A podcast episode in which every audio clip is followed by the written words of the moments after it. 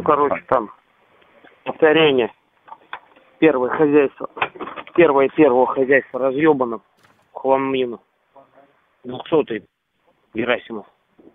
Det her er lyden af to russiske officerer ved byen Kharkiv, som taler på en åben telefonlinje, der bliver aflyttet, og dermed afslører de vigtige detaljer om problemerne i den russiske offensiv i Ukraine.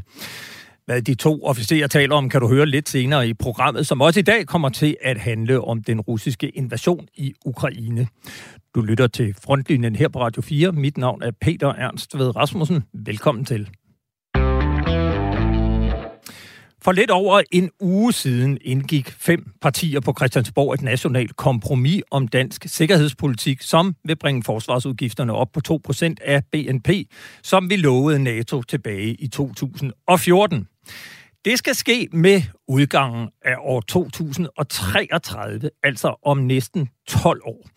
Beslutningen har udløst kritik, men i den forgangne uge viste det sig, at den meget langstrakte horisont for at nå op på de 2% slet ikke var politikernes egen idé. Nej, anbefalingen om først at nå NATO-målet i 2033 kommer fra Forsvarskommandoen selv. Vi rettede derfor henvendelse til Forsvarskommandoen for at få et interview med forsvarschef Flemming Lentfor, og vi gjorde det klart, at vi gerne ville høre hans militærfaglige begrundelse for den lange tidshorisont. Vi må desværre takke nej til interview i denne omgang, lød svaret fra Forsvarskommandoen. Da siden ringede op og bad om en forklaring på, hvorfor det blev et nej, fik jeg forklaret, at Flemming Lentfor ikke ønsker at stille op, fordi der endnu ikke er truffet nogen politiske beslutninger om det kommende forlig. Derfor overraskede det os noget, da vi i går opdagede, at Forsvaret i sidste uge havde lanceret sin helt egen podcast. Emnet var det såkaldte nationale kompromis, og gæsten var netop Flemming Lend for. Vi har med andre ord indgået et nationalt kompromis. Men hvad betyder det nationale kompromis egentlig for forsvaret? Det vil forsvarschefen forsøge at gøre os klogere på nu. Mit navn er Tobias Rød, og du lytter til en podcast fra Forsvaret. Først og fremmest, hvad er dine tanker om det nationale kompromis, som politikerne kalder et historisk løft af forsvaret? Mine tanker omkring det er, det er på det politiske niveau, der responderer man nu på den situation, der er omkring uh, Ukraine. Uh, og så uh, tror jeg, man har oversat det til, at, uh, at nu er man nødt til at styrke dansk forsvar. Ja, her var det planen, at jeg skulle have budt velkommen til Tino Johansen, som er formand for Dansk Journalistforbund, til en snak om Forsvarskommandoens kommunikation i en historisk krisetid. Men for en time siden ringede min telefon her på redaktionen, og det var en presset medarbejder fra Forsvarskommandoen, som nu gjorde det klart, klart at forsvarschefen alligevel gerne vil stille op. Og derfor kan jeg nu byde velkommen til dig, general Flemming Letfor. Goddag. Hvad fik dig til at ændre mening og til alligevel at stille op til et interview? Øh, jeg vil bare sige, at vi er rigtig, rigtig travlt i øjeblikket, så jeg siger nej tak til en masse ting i øjeblikket, Peter. Det, det håber jeg, der er en smule forståelse for. Det er der masser af forståelse for, men det undrer mig måske, at øh, vi får nej så mange gange, og du så melder dig på banen her en time før udsendelsen. Mener du, at en times forberedelse til et interview sikrer sådan en kvalificeret offentlig samtale om forsvaret?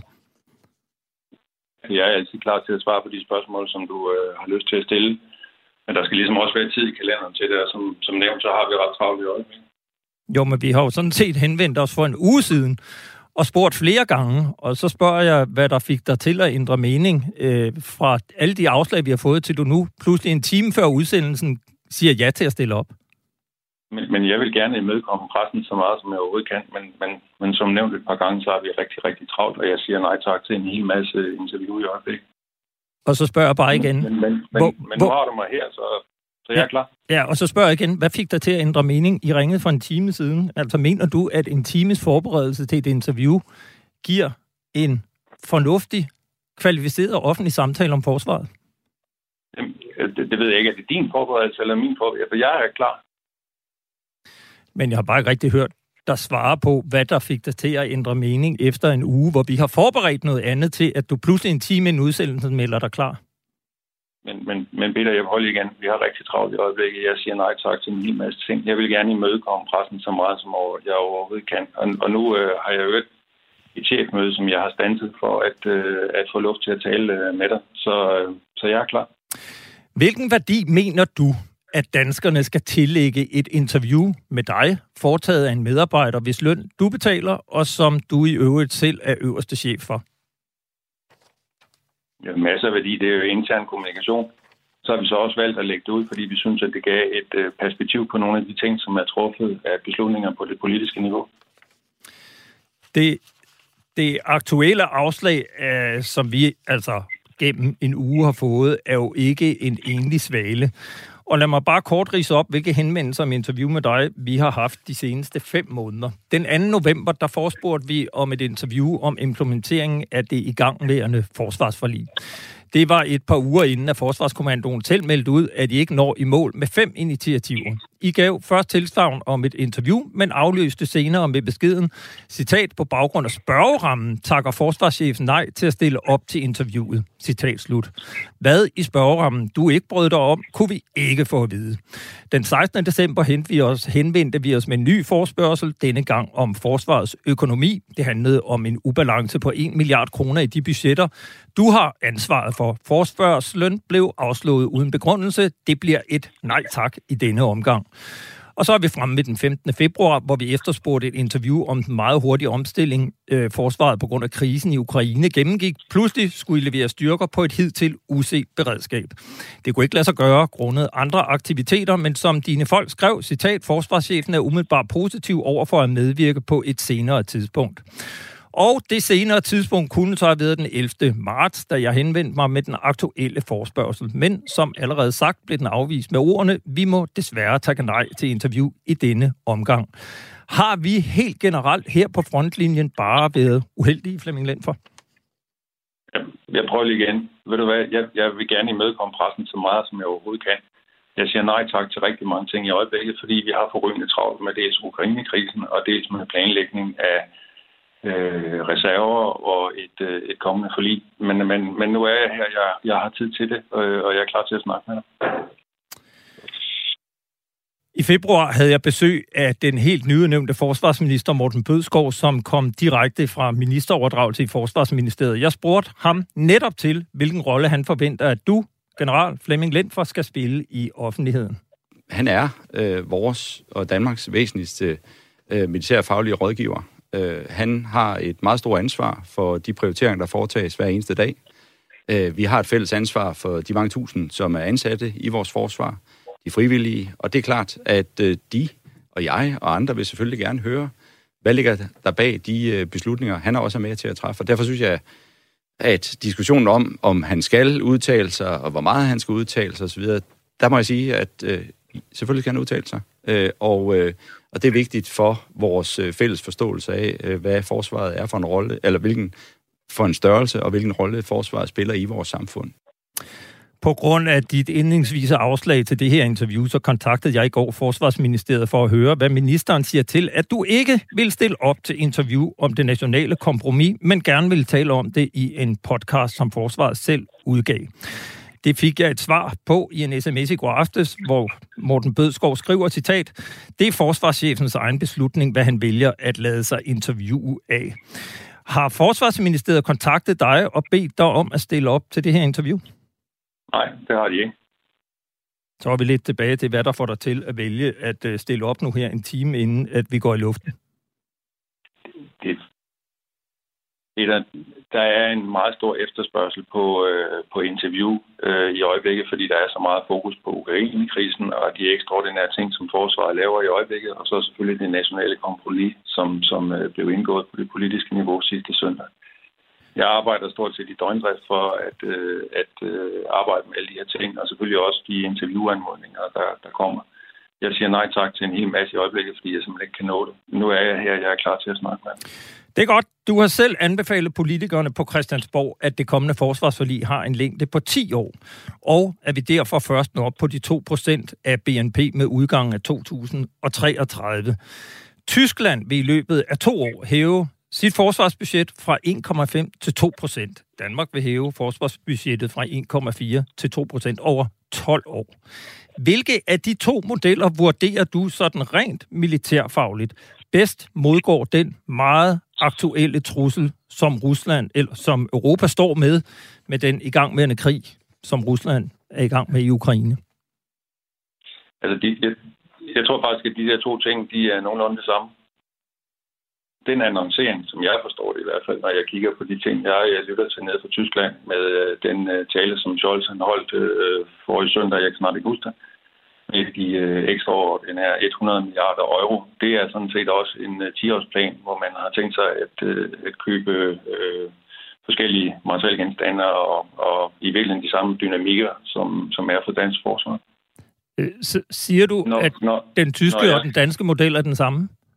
Nej, jeg siger bare, at den annoncering af det meget store beløb ned fra tysk side, det er jo ikke noget, som bliver afviklet i 2022. Nej, men det er en indgangsbevilling, der kommer i 2022, og dernæst så vil han øge forsvarsbudgettet op til 2% i løbet af to år. Jeg prøver bare at fortælle dig, at de 100 milliarder euro, som øh, er en øh, indgangssum, som er stipuleret i 2022, den bliver jo ikke afviklet i 2022. Eksempelvis, så, så vidt jeg i hvert fald ved, og som jeg har læst i pressen i dag, så agter de at købe F-35 fly. Og det er formentlig noget, de får leveret sidst i 20'erne. Det er en del af de øh, 100 millioner, øh, eller 100 milliarder euro. Flemming Lemper, jeg er jo egentlig ked af, at vi skulle bruge tid på at tale om, hvorfor du er svær at få i tale. Og vi har jo en lang række emner og spørgsmål, som vi gerne vil tale med dig om. Hvornår får vi lejlighed til at lave et ordentligt interview med dig? Men du er altid velkommen til at henvende dig. Men det er jo sådan, at jeg selvfølgelig er nødt til at øh, hvad skal man sige, balancere i forhold til de forskellige øh, opgaver, som jeg har. Så jeg stiller gerne op til interview, når jeg har mulighed for det. Men jeg håber også, at der er en lille smule respekt for, at vi har pænt travlt i øjeblikket. Det er der meget stor respekt for. Du skal i hvert fald have tak, fordi at du stillede op her. Velkommen. Nu skal vi videre til krigen i Ukraine og forsøge at komme ind bag den russiske offensiv ved at se på to personer, som bærer eller rettere bar det samme navn. For en anden uge siden kom det frem, at endnu en russisk general var blevet dræbt i Ukraine. Det drejede sig om stabschefen i den russiske 41. armé, som var i færd med at indtage Kharkiv. Han hedder generalmajor Vitali Gerasimov. Da navnet dukkede op, var der nok flere Ruslands og militæranalytikere, der tænkte, general Gerasimov, var det ham? Og svaret er nej, det var ikke den general Gerasimov, som du skal høre mere om lige om lidt. Nu kan jeg først byde velkommen til dig, Nils Bo Poulsen. Mange tak. Du er øh, chef på Institut for Strategi og Krigsstudier ved Forsvarsakademiet, og tak fordi du ville være med her og komme ind i studiet. Lad os lige begynde med den Gerasimov, som døde ved fronten i Kharkiv. Hvem var han? Han var stabschef, som du var inde på, i øh, den 41. armé, og øh, deltog altså i, den, øh, øh, i de militære operationer i, øh, i Ukraine, de, den russiske krig i Ukraine. Og øh, han er så i øvrigt, øh, hvis vi kigger lidt tilbage i hans karriere, øh, så er han øh, kampvognsofficer øh, og kommer fra byen øh, Kazan i Tatarstan, øh, som er en øh, tyrkisktalende region i Rusland. Jeg vil lige spille et lille lydklip for dig. Ну, короче, там повторение. Первое хозяйство. Первое первого хозяйства разъебано. Хламину. Двухсотый Герасимов.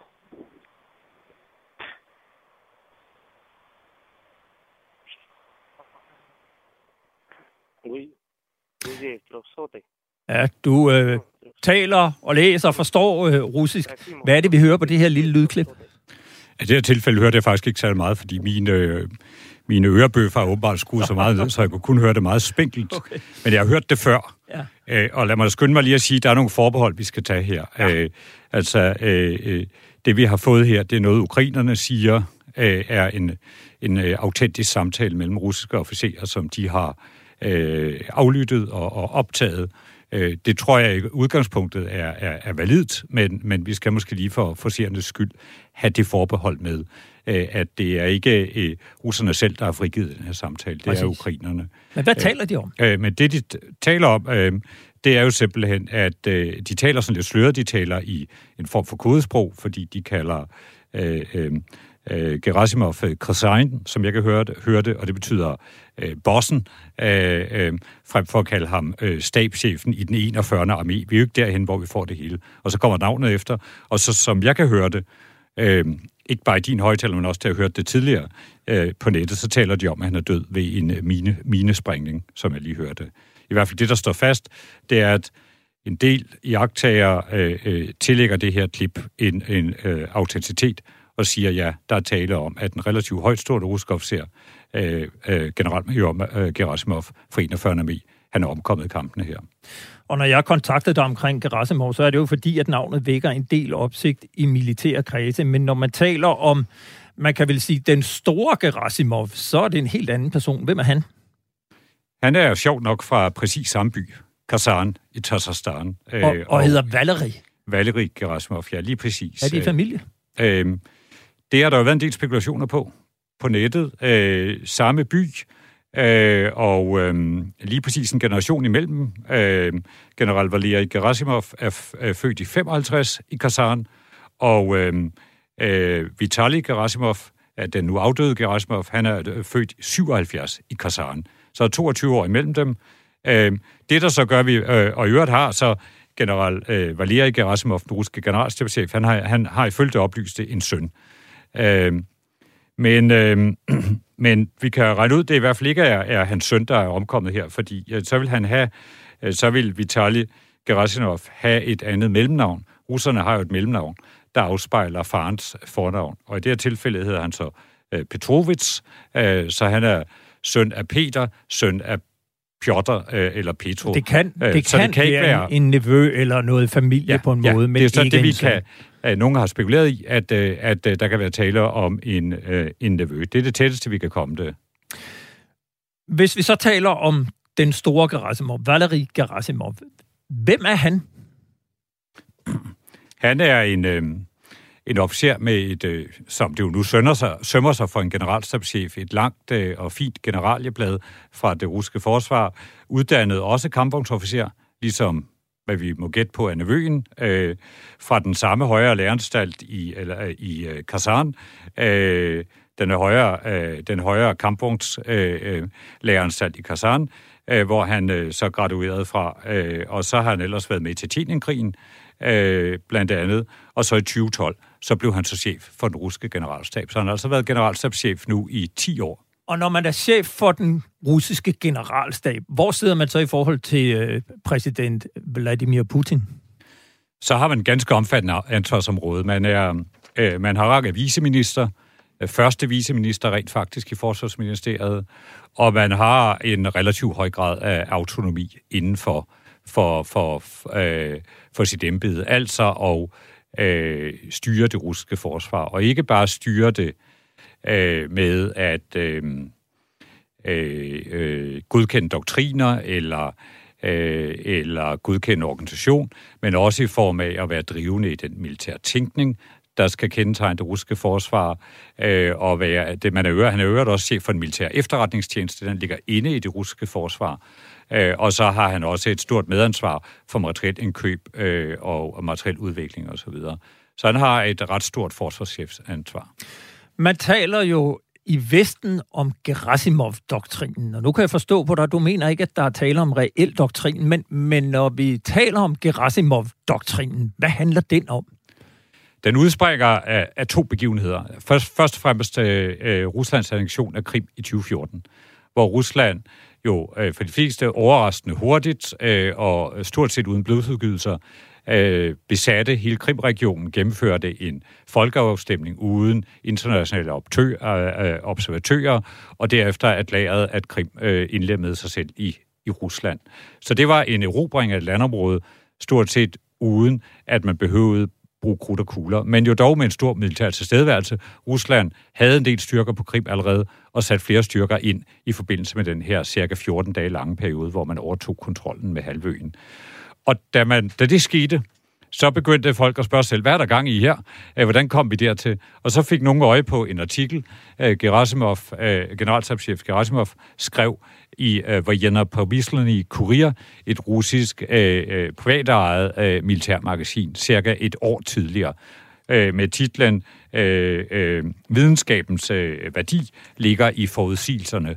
Øh, og i den her artikel, der går Gerasimov ind og redegør for, hvordan ser moderne krig ud, som han ser det. Øh, og det det er ligesom det, der føder ideen om en særlig Gerasimov-doktrin. For her beskriver, i den her artikel, der beskriver Gerasimov moderne krig og fremtidens krig som krige, der er præget af, at de militære midler er relativt beskedne i forhold til alle de andre midler, man bruger i krigsindsatsen. I, I artiklen siger han, at de militære midler i forhold til de ikke-militære midler står i forholdet 1 til 4. Øh, og ikke-militære midler i den her forstand, brug af NGO'er til at skabe oprør eller øh, øh flage menneskerettighedskrænkelser i et land, brug af øh, nyhedsmedier til at fremme den situation, øh, som, som, som man øh, ligesom vil intervenere i, brug af det internationale samfund til at få FN-mandat eller en anden form for mandat, når man går ind, anstiftelse af oprørsgrupper eller brug af terrorgrupper, som man kan sige her taler om en humanitær katastrofe, eller har talt om folkedrab eller noget andet. Og alt det kører man så til sidst sammen i en kortvarig militær intervention, som for eksempel vil Gerasimov sige, øh, Libyen 2011, eller øh, Kosovo-kampagnen i 1999. Det er jo med Gerasimovs syn. Eller Krim. Der, eller Krim, ja, præcis. Øh, og det er jo derfor, man så siger, om Krim, det må jo så være taget ud af den her drejebog, og der må altså forelægge en særlig Gerasimov-doktrin. Øh, hvor meget spiller øh, cyber øh, ind i denne her doktrin? Det er faktisk øh, kendetegnende for artiklen, øh, at han øh, øh, stort set ikke nævner øh, cyber. Øh, og det, er jo, det skal jo også siges 2013, Øh, der er vi jo trods alt øh, øh, ni år tilbage i tid, og det er ikke fordi russerne slet ikke havde fået øje på internettet på det her tidspunkt, øh, men det er ikke det, der er, er hans hovedperspektiv her.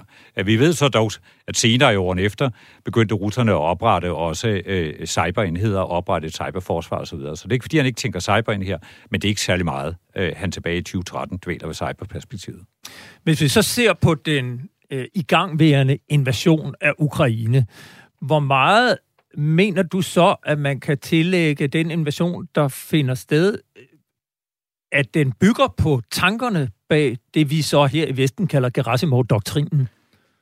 Vi kan i hvert fald ikke genkende det til, at, øh, at øh, Rusland har brugt rigtig meget krudt på at komme op med øh, en øh, begrundelse for krigen, Øh, den har så ikke været særlig plausibel, kan vi vist roligt sige, øh, i det den jo har, har, har indeholdt både beskyldninger om, om nynazisme, øh, kernevåben og folkedrab. Øh, og narkomaner. Øh, og narkomaner, så ovenikøbet, just for good measure. Øh, vi kan også konstatere, at russerne jo egentlig håbede at indlede den her kampagne efter alt, hvad vi kan se, med et relativt øh, let øh, fodaftryk på jorden, satsede på øh, præcisionsvåben og på, på, på luftoverlegenhed og kun mindre styrker, øh, mindre landstyrker på jorden. Og det er på mange måder taget ud af, af Gerasimov-artikel. Øh, Men vi kan også se, at der har til synligheden ligget nogle helt fejlagtige præmisser til grund for den russiske invasion. En forestilling om, et, eller et efterretningsgrundlag, hvor man forestillede sig, at den ukrainske kampvilje ville være meget lille, hvor man forestillede sig, at store dele af ukrainerne nærmest ville hilse, russer, hilse russerne velkomne som befriere, og måske i den forbindelse også, at det ville være nemmere at anvende de her øh, lidt øh, løjerlige begrundelser, øh, fordi at når først folk i internationalt fjernsyn så glade, jublende russere, der modtog med blomster de russiske soldater, ikke? så ville det gå op for det internationale samfund, at der sad en junta i Kiev, der havde undertrykt de stakkels mennesker. Så der har det i hvert fald ikke spillet efter drejebogen. Man har nok i for høj grad øh, overvurderet øh, sin egen evne til at skabe et narrativ, der fungerede, og undervurderet ukrainernes sammenhængskraft og standhaftighed. Kan man ligefrem sige, at øh, Gerasimov-doktrinen den er faldet sammen som et korthus med den her invasion? Nu skal det siges, at Gerasimov skriver også meget klart i sin artikel her, ligesom rigtig mange andre russiske militære tænkere og jagttager siger, hver eneste krig skal forstås på sin egen logik. Hver eneste krig har en grammatik, der adskiller sig fra tidligere og senere krige.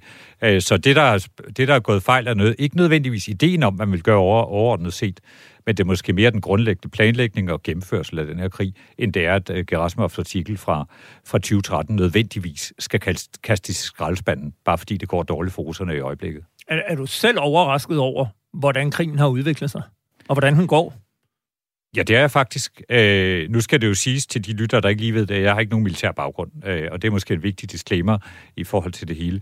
Men jeg har ikke desto mindre jo været i, i forsvarsvalget i 14 år, og jeg har også redigeret en bog om emnet, og i den bog havde vi nok forudset, at det ville gå bedre for Rusland, end det har gjort. Hvis du så ser på krigen, som den udvikler sig, og, og, og måden, som folkene omkring Putin altså vi ved jo ikke, hvad han får at vide, men når vi ser på den måde, han agerer på, når han taler om krigen, hvad siger det om den måde, eventuelt Valery Gerasimov, eller i hvert fald ledelsen af militæret, briefer Putin på, og, og kan, kan man udlede noget af det? Det er i hvert fald øh, fristende at sige, at en af de helt grundlæggende børnesygdomme i det russiske øh, system, nemlig en øh, fejlrapportering opad til, i form af, at man overdriver succes, og man underdriver problemer og, og fiaskoer, forenet med en høj grad af korruption. Det er børnesygdom, der ikke er forsvundet. Det er nærmest, øh, kan man sige, permanent øh, sygdom i, i, i Rusland, er symboliseret ved den her militære aktion, vi ser i øjeblikket, hvor at øh, man til synligheden ikke rigtig har haft en rigtig forståelse af, hvordan det russiske forsvars tilstand var. Så der må vi altså antage, at et eller andet sted i systemet, der er kommet en fejl rapportering til Putin, hvor man har overdrevet, øh, hvor store chancerne var for at gøre det her, baseret formentlig på, at man havde en mere rosenrød beskrivelse af, hvordan det russiske forsvar fungerede, plus, som jeg sagde før, også et forkert efterretningsgrundlag i forhold til, hvor hurtigt ukrainerne ville give op. Og med din viden om Rusland og om øh, generalstabschefen og generalstaben, hvordan den agerer, hvad er dit bedste bud på, at der foregår lige nu i øh, lokalerne omkring Putin og, og Gerasimov? Hvad, hvad, altså, kan Putin finde på at korte hovedet af ham, groft sagt, altså fyre ham, eller vil de prøve at øh, blive ved med at tegne et billede af succes, og så øh, håber de, de går over på et eller andet tidspunkt? Putin er jo lidt selv fanget af, at øh, for en god uge siden, der var han på skærmen og sige, at alt gik efter planen. Øhm, og det var jo på et tidspunkt, hvor det solklart allerede ikke gik efter planen længere. Og det gør nok, at de øh, udskiftninger, vi vil ske, de, se, de vil ske i første omgang i kulisserne. Øh, jeg har noteret mig fra medierne til synlædende er to efterretningschef, højtstående efterretningsofficerer blev, øh, blev sat fra posten nu. Og det kunne jeg i hvert fald igen pege på et af de steder, hvor man fra russisk side selv synes, der skal være noget storvast nu. Det er i forhold til det efterretningsgrundlag, man havde. Vi må så antage, at øh, Gerasimov øh, i første omgang øh, ikke er truet på posten, og, og den antagelse øh, baserer jeg på, det er nok ikke midt i en krig, man skal skifte hæft på generalstabshemmelighed, med mindre generalstabshemmelighed. Det vil være et voldsomt signal det vil være meget, meget voldsomt signal. Ja. Præcis. Ja. Niels Bo Poulsen, chef på Institut for Strategi og Krigsstudier ved Forsvarsakademiet. Tusind tak, fordi du gav dig tid til at komme herind. Det var en fornøjelse. Russisk hybridkrig, Desinformation og cyberangreb spiller altså endnu ikke den rolle, som mange akademikere i Vesten forudså. Tværtimod udviklede den russiske krig mod Ukraine sig relativt hurtigt til en, vi kan kalde det old school, konventionel krig. Og dog, særligt et mere moderne våben har tiltrukket sig en del opmærksomhed.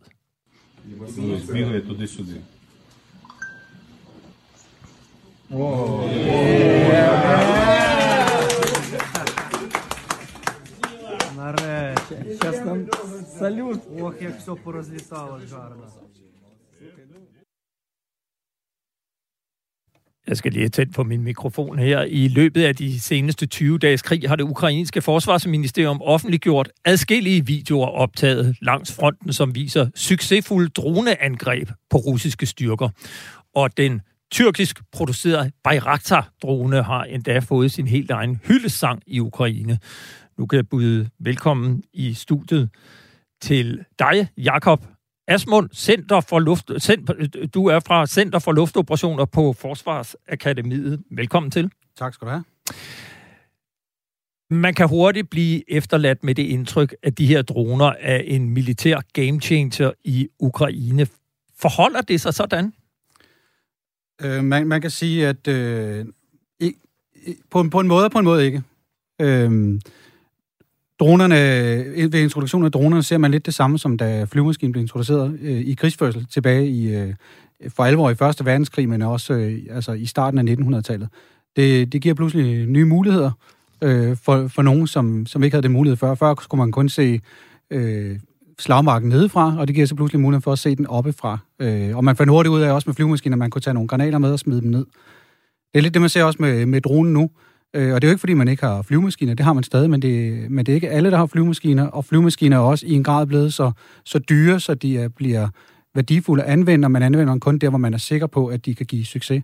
Der giver dronerne en ny mulighed, og derfor kan man godt sige, at det er en game changer, fordi det giver et, et billigere værktøj, som så faktisk kan bruges øh, i stedet for fly, der risikerer at stå på jorden, fordi de er for dyre at flyve med. Og, og selvom de er langsomme, måske i virkeligheden også er svære at forsvare sig mod? Øh, de, de er langsommere. Typisk er droner langsommere end, end, end flyvemaskiner. Øh, og, og for, for modstanderen kan de også være svære at opdage, øh, fordi de er mindre, de kan være svære at opdage på radar. Især de helt små er svære at opdage på radar, og derfor er, er det også svært at se, hvis en, en drone er på vej. Det, der er også nogle andre øh, ting, som de kan ikke bære lige så meget som et, øh, et, et klassisk fly, altså et kampfly, hvis det er det, vi tager ind som eksempel. Det kan ikke bære lige så mange våben, øh, men til gengæld så kan man have flere af dem, fordi de er billigere. Så, så, det, så det giver helt klart en, en effekt, især for, øh, for, hvis man tager som Ukraine nu som, som eksempel, hvor de er deres styrke vil være spredt over et større område. Øh, russerne vil dominere meget af luftrummet, så det kan være svært for de ukrainske flyvåben at blive bragt i spil. Øh, men droner kan man bære med sig i en bil eller et civilt køretøj eller andet hen til, hvor man gerne vil bruge det, og så kan man øh, flyve med det lige, lige fra, hvor man vil. Øh, og, og først når det er i luften, at man muligvis opdager, at det er der. Øh. Hvad, hvad er de ideelle betingelser for brug af droner i en krig? Det, det bedste vil være, hvis, øh, hvis man selv har luftherredømmet. Øh, en drone kan ikke forsvare sig selv mod, mod andre trusler. Og, og som du også selv nævner, så flyver dronerne langsomt, så, så hvis modstanderen har øh, kampfly i, i luften, og de kan opdage de her droner, så vil det være relativt nemt øh, at skyde ned. Øh, eksemplet på, hvor droner har haft succes, det er jo i Afghanistan, hvor vi havde luftherredømmet som koalition, og USA fløj med, med deres droner uden problemer. Der var ingen trussel mod dem, og derfor det var helt klart det optimale miljø for dem at operere der. Øh, ja. Altså, øh, det lyder lidt som om, at så burde de måske ikke være så optimale i Ukraine, hvor Ukraine jo på ingen måde har luftherredømme. Nej, men, men det, er meget, det er meget naturligt, at de anvender dronerne. Øhm, det ukrainske flyvåben er ikke nedkæmpet nu. De har stadig ret mange øh, kampfly tilbage og flyver også med dem øh, dagligt, eller i hvert fald mulighed for at flyve med dem dagligt. Men når et kampfly går på vingerne, så vil det russiske luftforsvar, som de øh, har trukket med frem, som er deres øh, styrke, styrker, de vil ret nemt opdage et, et kampfly. Der, der er dronerne, som vi nævner, den, den, øh, den, den billige og nemme løsning, som samtidig er svær for modstanderen at opdage på radaren. Jeg er nødt til lige at spørge dig, når man taler droner, altså så mm, ja. tænker private jo nok på sådan nogle helikopterlignende droner, ja. ikke med små rotorer, og den svæver op, mens øh, man militært vil typisk tale om små vingefly, altså ubemandede fly, ja. bare meget små. Hvad, hvad, hvad taler vi om her? Altså, den, en af dem, der bliver anvendt meget i konflikten her, det er den her Bayraktar TB2 tyrkisk øh, produceret. Den er på størrelse med... Øh, hvad, nu, nu kender jeg jo meget til fly i Cessna 172. Det er sådan en typisk øh, propelfly, som, øh, som den øh, lidt øh, velhavende familiefar flyver afsted med fra, fra den lokale lufthavn. Et, et større, den er på størrelse med sådan et, et større propelfly. Øh. Og, og hvad er det for en drone? Øh, ja, den er... Det, altså Bayraktar-dronen, øh, ja, TB2, tyrkisk produceret. Den, det, er, det er en relativt simpel drone, så, så, den, er, så den er nem at lære at, at betjene. Øhm, den har, øh, jeg har nogle, jeg har nogle, nogle facts med, men det, det er lidt, altså man skal forstå, det er, en, det er en, på størrelse med sådan et, øh, et mellemstort propelfly. Øhm, den flyver relativt langsomt, 150 km i timen, men, den kan, men den kan, øh, dens fordel er, at den kan bære fire øh, typisk øh, panserværnsvåben, det vil sige til at skyde kampvogne i stykker med. Øh, så kan, så kan den ligge, øh, så kan man, den kan være i luften i cirka 24 timer, det vil sige, når, man, når den første skudt afsted, så hvis man er et sted, hvor der ikke er nogen trussel på den, så kan man have den liggende i luften, indtil man fra kameraet på dronen ser en, øh, en russisk kampvogn, ja. og så kan man skyde den, og med, hvis man er god med et enkelt skud, sætte en kampvogn øh, ud af spillet. Der er nogle internationale medier, der kører en historie om en lille ukrainsk produceret drone, The Punisher, ja. som kan bære 3 kilo sprængstof op til 50 km ind bag fjendens linje og foretage sådan nogle usete nålestiksoperationer. Allerede en uge inde i krigen hævdede virksomheden bag dronen, at den havde været brugt i 60 succesfulde angreb på russerne med din viden om droner. Lyder det så troværdigt? Antallet af succesfulde øh, operationer, det, det har jeg svært ved at forholde mig til. Det er jo en, altså, det handler om også at vinde på, få information i denne krig. Men selve typen af dronens størrelsen, at den kan operere med den afstand med det, med det våben, det lyder sandsynligt.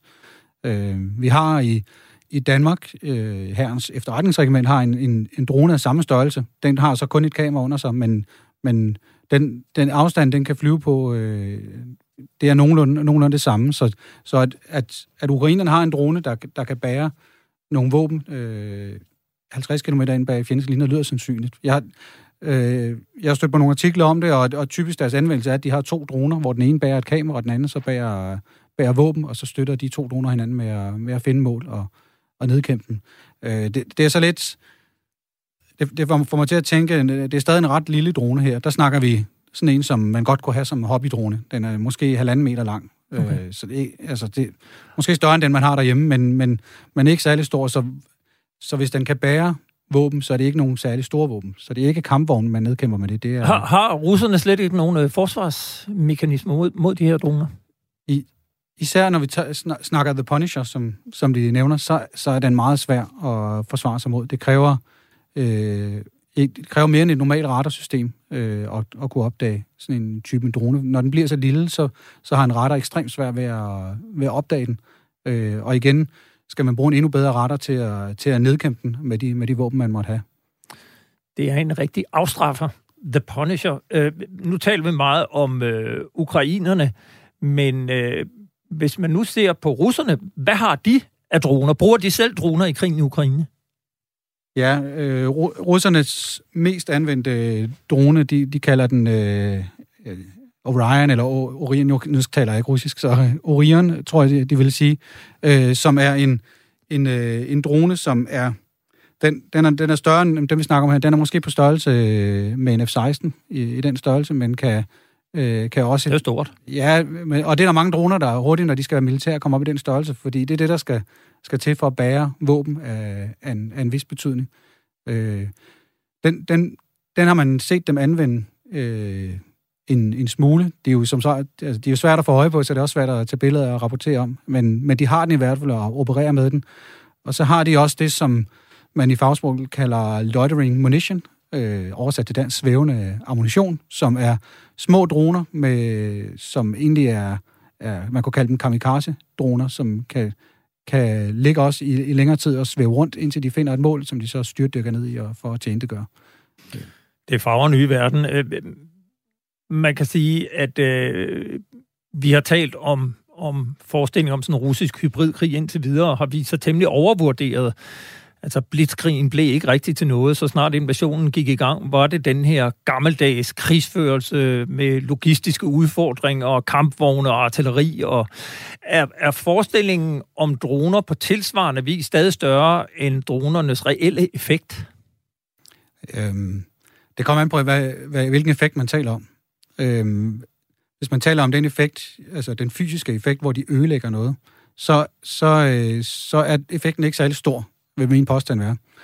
Øh, men i og med, at, at dronen er svær at opdage, og den er nem at flytte rundt på, øh, på slagmarken, så vil, den, så vil det, at man aldrig ved, hvor den er, og, og ved, om der er en drone på vejen over, og man ved, om man overhovedet opdager truslen, når den kommer, vil, vil give den en, en enorm psykologisk effekt. Så, så soldaterne på jorden vil altid være bange for, at der er en drone.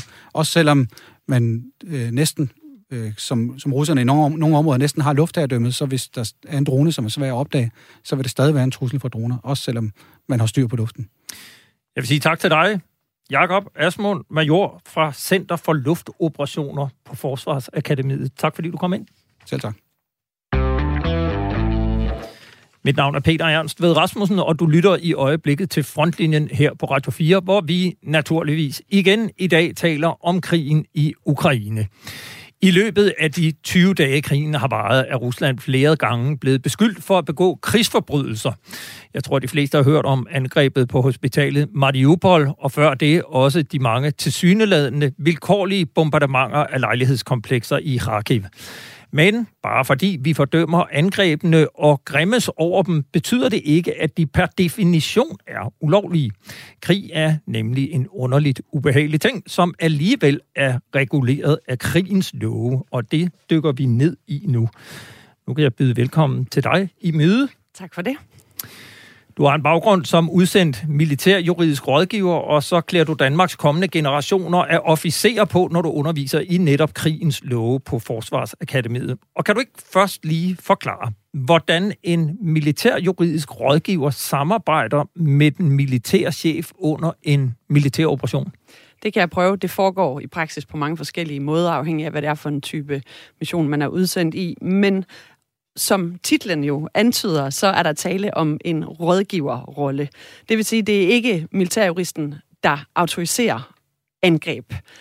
Men spiller ind i vurderingen af, om det folkeretlige grundlag for at gennemføre et angreb er til stede. Det kan være, at man er med til at vurdere, hvorvidt et mål, man ønsker at angribe, rent faktisk er et militært mål, eller hvorvidt kriterierne for, om man har lavet det, der hedder PID, altså har positivt bekræftet identiteten på et potentielt mål, rent faktisk også er op, øh, er opfyldt i henhold til de rules of engagement, der eksisterer for konflikten. Så det er vurderingerne, militærjuristen sparer med chefen, eventuelt en red card holder, om, og derefter er det den militære chef, der træffer beslutningen. Altså, vi hørte jo meget om Red, red Card Holder, da vi havde F-16-fly, der opererede over Libyen, ja. øh, hvor, hvor der jo skulle gives godkendelse hver gang. Jeg kunne fristes til at spørge, tror du også, at den russiske hær og den russiske militær arbejder med militærjuridiske rådgiver, eller ser de lidt mere stort på den slags ting? Altså, de er jo part i Genève-konventionerne, og i øvrigt også tillægsprotokol 1 til konventionerne, som finder anvendelse her. Og de deltager i internationale forer, hvor de, hvor de jo øh, aktivt øh, er med til at udvikle, eller hindre udviklingen i folkeretten nogle gange øh, på de her områder. Så, så de, de ved, at den findes, og de lader også til at spille efter reglerne. Men hvordan deres militærjuridiske rådgiverordning, den fungerer i praksis, det tør jeg ikke sige. Jeg kan kun erklære mig enig i, at de i hvert fald har en noget anderledes fortolkning af øh, krigens love i mange tilfælde, end vi har øh, set udefra.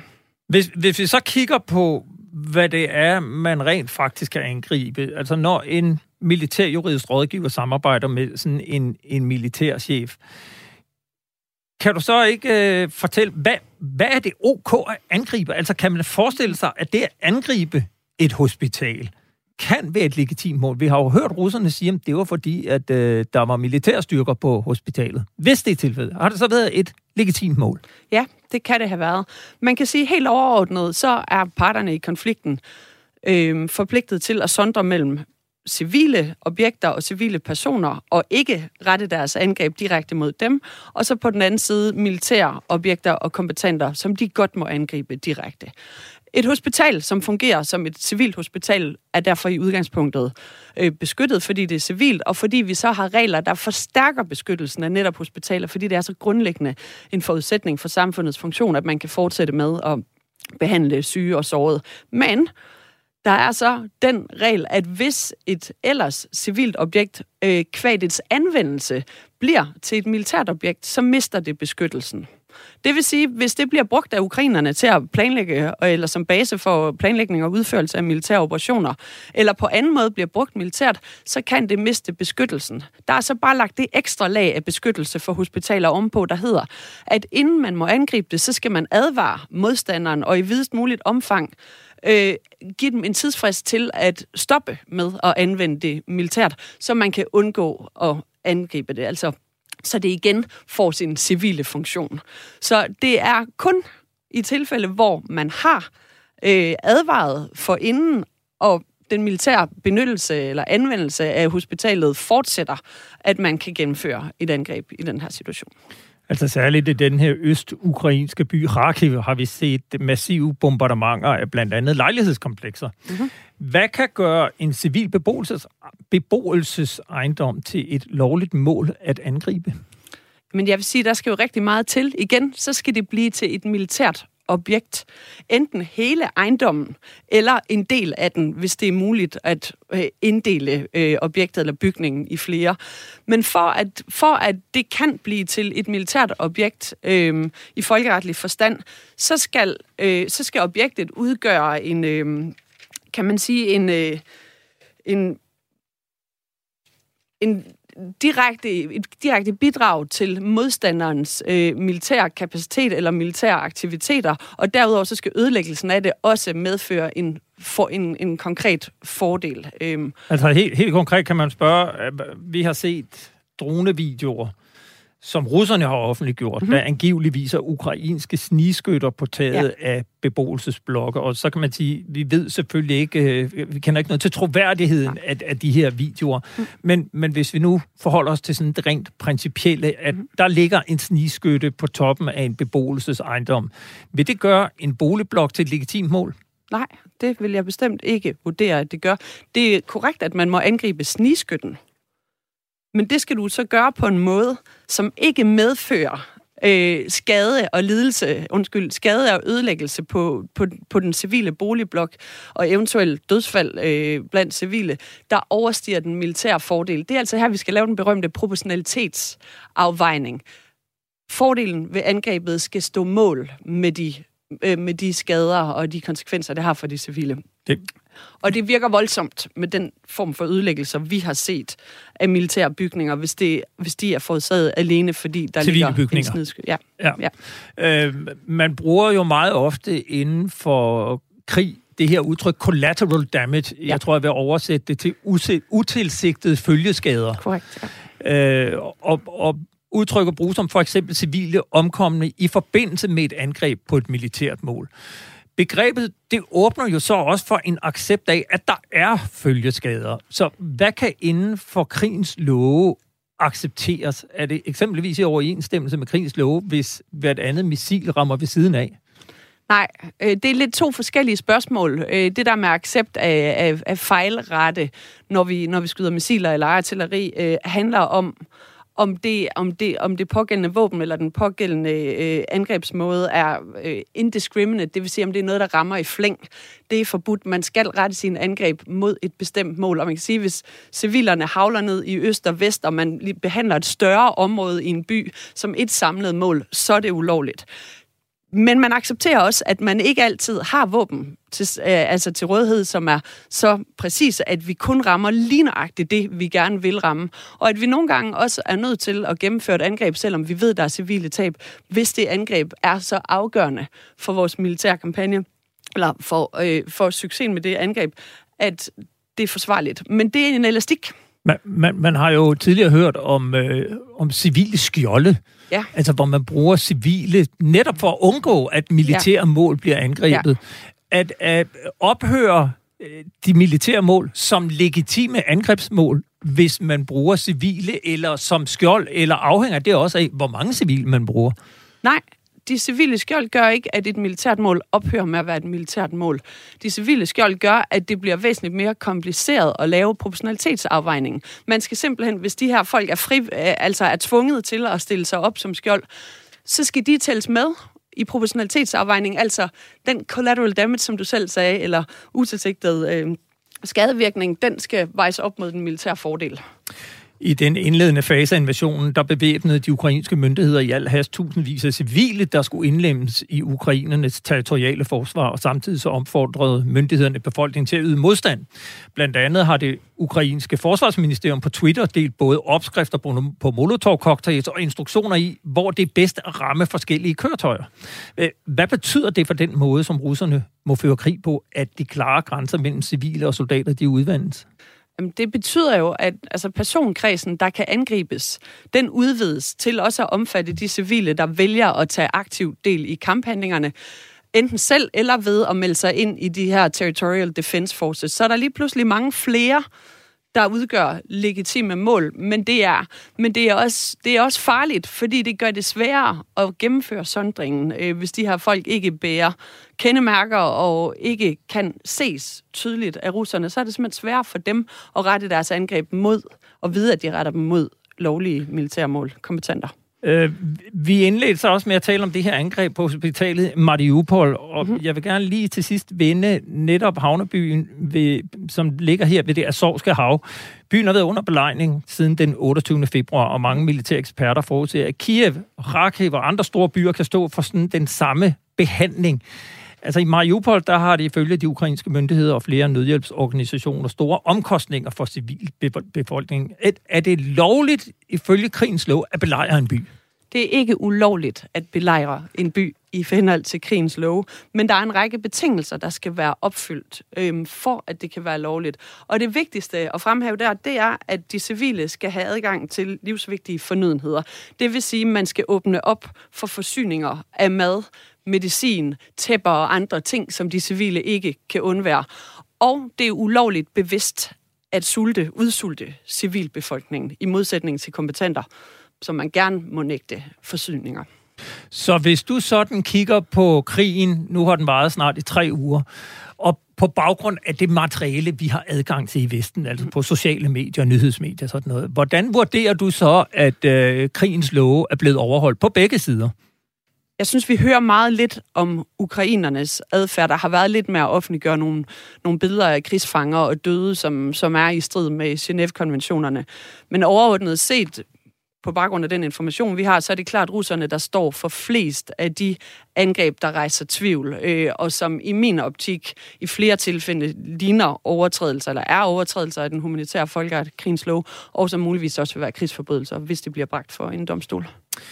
Jeg vil sige tusind tak til dig, i møde for Forsvarsakademiet, fordi du kom ind og gjorde os klogere på krigens love og de juridiske dilemmaer i den krig, der udspiller sig i Ukraine. Tak. Velbekomme.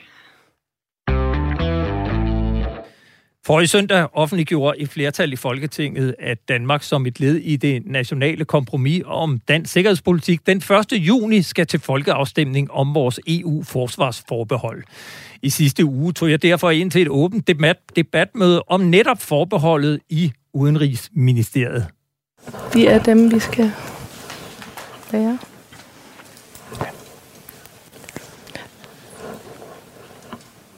Velkommen alle sammen øhm, til det her vigtige arrangement, hvor vi skal diskutere forsvarsforbeholdet, som lige pludselig er blevet meget aktuelt i lyset af den øh, skrækkelige krig, som pludselig er kommet i, øh, i Europa. Vi har Lykke Friis fra Tænketanken Europa, og vi har udenrigsministeren og forsvarsministeren og Lars Banger Strove fra Atlantsammenslutningen. Øhm, så jeg tror, vi vil starte med øh, udenrigsminister. Vi står midt i en styrkeprøve øhm, for alt det, vi tror på, vores værdier, demokrati, menneskerettigheder, fred, frihed. Og de seneste uger har egentlig også vist, hvordan vi står sammen, tæt sammen i NATO, i EU, og som forsvaret for de her helt grundlæggende værdier. Så den her alvorlige øh, situation betyder også, at de europæiske samarbejde det skal, øh, det skal udvikle sig på forsvars- og sikkerhedspolitikken, og forventeligt kommer til at gøre det for alvor øh, hurtigt herfra. Og her skal Danmark selvfølgelig fuldtonet kunne deltage i det, i den nye virkelighed, vi er i Europa. Det er derfor, vi ønsker at holde den folkeafstemning her den 1. juni i år. Vi skal også her væk fra, synes jeg, de sejlevede myter øh, og skræmmebilleder, der vil komme op. Det handler altså ikke om en såkaldt EU her, for den findes jo ikke, som I ved. Øh, nu skal vi debattere, hvad det i virkeligheden, hvad det i virkeligheden vil betyde for Danmark at være fuldtonet med i samarbejdet. Og med de her ord, så vil jeg øh, give ordet videre til forsvarsministeren. Værsgo. Ja, og Morten Bødskov slog fast, at det handlede om en værdikamp om, hvorvidt Putins værdier eller EU's værdier skal præge udviklingen i Europa. Så derfor så er det, øh, er det jo for mig øh, et, øh, et, et meget, meget klart øh, entydigt ja, selvfølgelig til at komme af med det her forbehold, men jo også et meget, meget klart og entydigt ja til, at vi er nødt til at forstå øh, også, hvad det her handler om. Og netop det her med, hvad forsvarsforbeholdet egentlig forhindrer, forsøgte Bødskov selv at give et eksempel på. Allerede i dag øh, er der jo øh, indsatser, øh, som NATO øh, tidligere har haft ansvaret for, som EU nu har ansvaret for, øh, og som Danmark så ikke kan være med i. Mm. Og synes vi, det er godt, at øh, det freds- og stabiliseringsarbejde, der foregår i Bosnien-Herzegovina nu, som tidligere var en NATO-operation, men som nu er blevet en EU-operation, synes vi, det er godt, at Danmark ikke skal være med til at stabilisere Balkan. Det synes jeg ikke. Mm. Hvorfor synes jeg ikke det? Det synes jeg, fordi jeg vil gerne være med til, at det er danske værdier om civilsamfund og samhørighed og, og alt det, vi forsøger via, via Udenrigsministeriets freds- og stabiliseringsrammer at arbejde for i Europas øh, nærområder, at det er det, der kommer til at præge det. Ja, således altså lidt fra debatten om EU-forbeholdet i Udenrigsministeriet. Det er en debat, jeg lover, vi kommer til at følge løbende op på her i frontlinjen, som valgkampen skrider frem frem mod folkeafstemningen den 1. juni. Det her, det var, hvad vi nåede at have med i denne udgave af Frontlinjen på Radio 4. Programmet blev lavet i samarbejde med journalist Jeppe Retshusted. Har du ris, ros eller gode idéer til emner, vi bør tage op, så kan du kontakte os på frontlinjen radio4.dk. Husk også, at du kan lytte til alle tidligere programmer som podcast i din podcastplayer eller ved at besøge radio4.dk-frontlinjen. Vi vil selvfølgelig i den kommende uge se, om det bliver muligt at få et regulært interview med forsvarschefen for at tale om det nationale kompromis om dansk sikkerhedspolitik. Jeg synes i hvert fald, at vi savner svar på en række spørgsmål, som vi håber, det bliver muligt at høre, hvad forsvarschefen har at sige til det. Vi er tilbage på næste tirsdag kl. 11.05. Tilbage er der bare at sige på glædelig genhør og farvel.